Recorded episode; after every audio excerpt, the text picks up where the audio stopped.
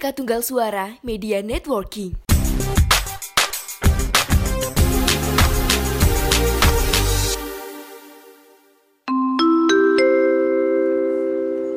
Mohon perhatian. Sekali lagi kami sampaikan, bikin podcast dengan Anchor dijamin gampang. Gak percaya? Langsung buktiin aja. Anchor, teman setia podcaster.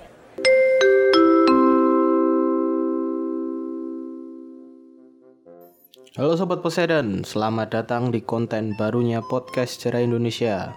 Di luar kelas, tempatnya sejarah yang tidak jelas. Bersama saya Ega Arkananta. Untuk episode perdana ini ya kita akan bahas tentang negara tetangga kita. Yang ada di selatannya kita yaitu Australia. Hari ini kita akan bahas tentang bagaimana perjuangan tentara-tentara Australia melawan segerombolan burung Bukan ya, bukan. Itu terlalu keren. Kita akan bahas tentang perang emu ya. Buat yang belum tahu, emu itu apa ya? Saudara jauhnya burung onta ya, dan itu adalah hewan endemik di Australia. Terus gimana sih kenapa sampai diperangi sama Australia? Mari kita bahas dari awal. Pasca Perang Dunia Pertama ya, eh, banyak veteran perang yang dari Australia dan dari Inggris ini yang kemudian dikasih upah itu berupa lahan pertanian, lahan untuk digarap menjadi pertanian gitu. Yang letaknya di bagian baratnya Australia. Karena itu tadi karena ini masih kebanyakan lahan-lahan kosong yang belum pernah diolah. Jadi kan otomatis untuk dijadikan lahan pertanian mereka harus bersihin dulu dari semak-semak terus diratain. Terus juga dikasih pengairan kan. Mereka akhirnya buat uh, sumber pengairan buatan juga di situ. Kemudian lahan-lahan pertanian tadi itu sama veteran-veteran yang menjadi petani tadi akhirnya dipakai untuk bertani gandum ya. Yang kemudian gandum ini menjadi komoditas penting waktu adanya krisis ekonomi tahun 1930-an awal, Great Depression ya kalau yang belum tahu. Produksi gandum ini tuh otomatis kan sangat didukung sama pemerintah dong karena uh, harga-harga apa-apa mahal ya apalagi buat impor makanan jadi kan produksi dalam negeri kalau bisa didorong semaksimal mungkin gitu loh biar bisa nutup kan, nutup kebutuhan warga Australia sendiri. Sampai pemerintah Australia itu pun sampai dijanjikan ada subsidi buat pertanian. Ya biar mereka produksi gandumnya makin maksimal gitu loh. Tapi ya kayak yang lain-lain ya janji pejabat sampai sekarang cuma janji. subsidinya nggak turun dan harga gandum tuh malah ngedrop akhirnya. Nah, ini kan bikin petani tuh udah ketir-ketir ya, apalagi udah makin dekat sama musim panen sebenarnya. Tapi masalahnya bukan cuma di situ. masalahnya adalah karena di lahan pertanian yang mereka miliki ini uh, ada juga rombongan IMI yang jumlahnya sekitar 20 ribu ya.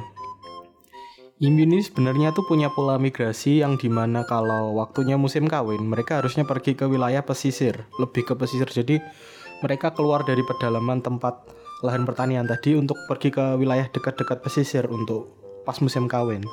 Tapi karena di sana udah ada sumber makanan dan juga ada pengairan yang dipakai buat petani tadi, akhirnya ya mereka nggak pergi, mereka tetap di sana ngapain kan pergi lagi karena udah ada makanan, udah ada minuman mau ngapain, mau ke mana-mana gitu akhirnya gerombolan Emu tadi itu akhirnya malah masuk ke lahan pertanian ya. Ngerusak pagar-pagar yang para petani buat. Pagarnya petani ya paling apa seadanya lah paling dari kayu sama dari kawat gitu kan seadanya. Emu itu gede ya yang belum tahu Emu itu sekitar 2 meter jadi karena badannya gede tadi bisa diterobos saja sama Emu masuk. Jadi lahan pertaniannya para petani tadi akhirnya jadi tempat mukbang buat para Emu akhirnya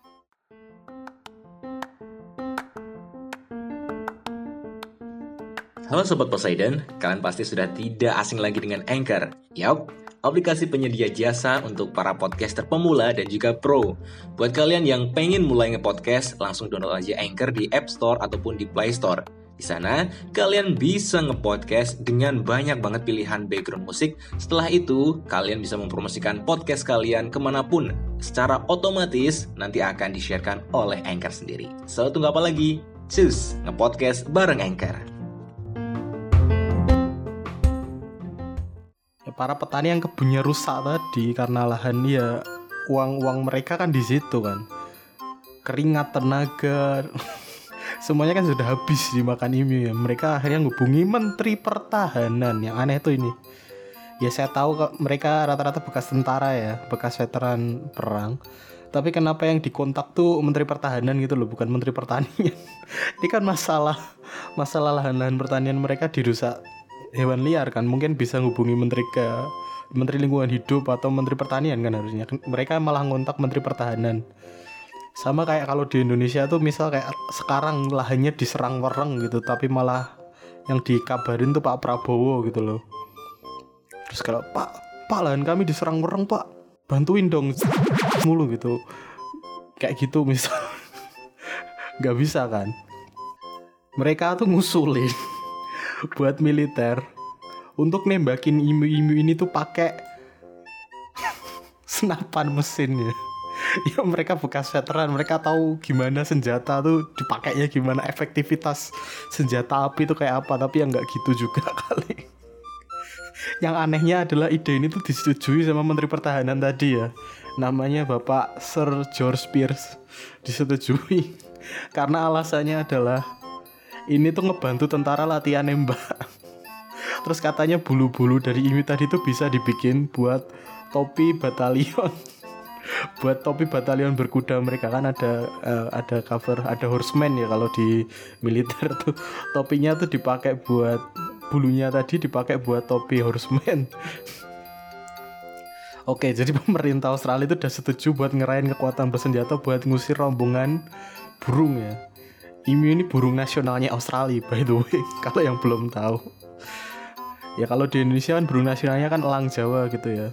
Untuk aja elang Jawa tuh bukan uh, bukan ayam yang tingginya 2 meter terus ngerusak padi gitu bukan ya untung kalau itu juga pasti dibunuh sama orang Indonesia pasti Oke ya jadi perang ini tuh dijalankan sama tiga orang awalnya tiga ya perang loh jadi militer tuh ngirim satu orang komandan terus sama dua anak buahnya buat jadi penembak. Terus mereka semua tuh dikasih Lewis gun. Amunisinya tuh sekitar 10 ribu peluru. Buat informasi tambahan ya Lewis gun ini adalah senapan mesin yang biasanya dipakai di pesawat ya jadi jadi mereka mau nembakin burung pakai senapan mesin yang dipakai di pesawat.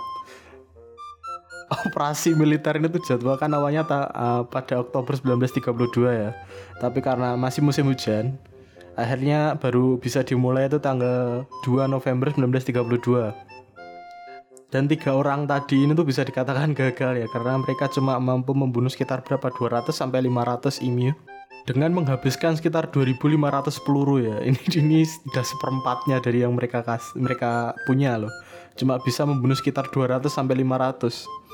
Terus akhirnya mereka ditarik pada tanggal 8 Oktober 8 November sorry 1932. Tapi karena serangan IMI ini masih berhenti, masih belum berhenti ya. Soalnya setelah musim hujan tadi datang kekeringan juga di area itu. Jadi Imu ini makin ngeyel buat masuk ke lahan pertanian kan. Udah ada minum ada air juga kan di situ. Ada sumber makanan ada air.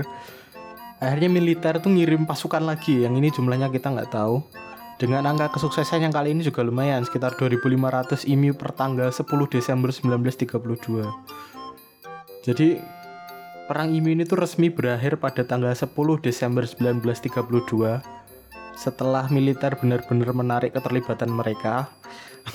Dengan jumlah total tuh sekitar berapa yang per tanggal 10 Desember itu 2500 IMU yang meninggal. Meninggal. Diberantas lah diberantas dibunuh ya karena hama mereka dianggap hama di mana angka ini masih jauh dari angka awal ya. Tadi kalau yang penjelasan di awal tadi kan ada sekitar 20 ribu IMU di sekitar wilayah itu. Tapi yang berhasil diberantas cuma 2500 jadi nggak terlalu ngaruh sebenarnya. Apalagi karena tidak hanya rugi dari amunisi ya rugi tenaga juga mereka juga uh, menimbulkan kontroversi tentu saja karena mereka kan nembakin burung nasional mereka sendiri usaha ini tuh sama kaum-kaum konservatif dianggap untuk tindakan memusnahkan hewan-hewan langka gitu loh padahal ini ini bukan hewan yang langka-langka juga ya karena status konservasinya sampai sekarang masih list concern atau ya banyak lah masih banyak di alam terus setelah perang IMU ini berakhir, apakah serangan IMU ke wilayah pertanian ini juga berakhir? Tidak dong. Tentu saja tidak.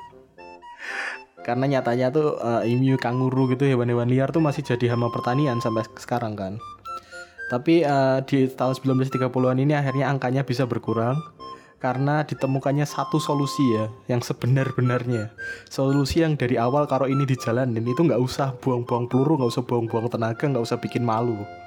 Yaitu dengan cara memperbaiki pagar dengan pagar yang lebih kuat yaitu yang akhirnya dijalankan sama pemerintah Australia. Mereka bikin pagar yang membatasi uh, supaya hewan-hewan liar itu nggak masuk ke wilayah-wilayah yang ditinggali manusia. Kayak wilayah-wilayah pertanian sama wilayah-wilayah pemukiman. Yang pagar ini sampai sekarang masih ada masih diperbaiki. Terus setiap tahun masuk di upgrade ke pagar-pagar yang lebih baru lagi. Solusinya ternyata cuma itu ya cuma dikasih pagar. Jadi nggak usah nggak usah nembakin nggak usah membunuh nggak usah buang-buang peluru solusinya adalah pagar yang lebih kuat supaya hewan liar tidak bisa masuk. Oke okay. dari tadi mungkin ada yang kita bisa pelajari adalah uh, jangan nembakin ayam yang gedenya 2 meter ya karena ternyata susah. Nggak bisa mati. Nggak segampang itu juga karena kalau ngerusak pertanian ya bikin pagar. Solusinya coba itu. Sekian buat konten di luar kelas hari ini ya. Kurang lebihnya kalau ada aneh ya saya mohon maaf saya Garkenanta pamit sampai jumpa di konten-konten Poseidon lainnya. Terima kasih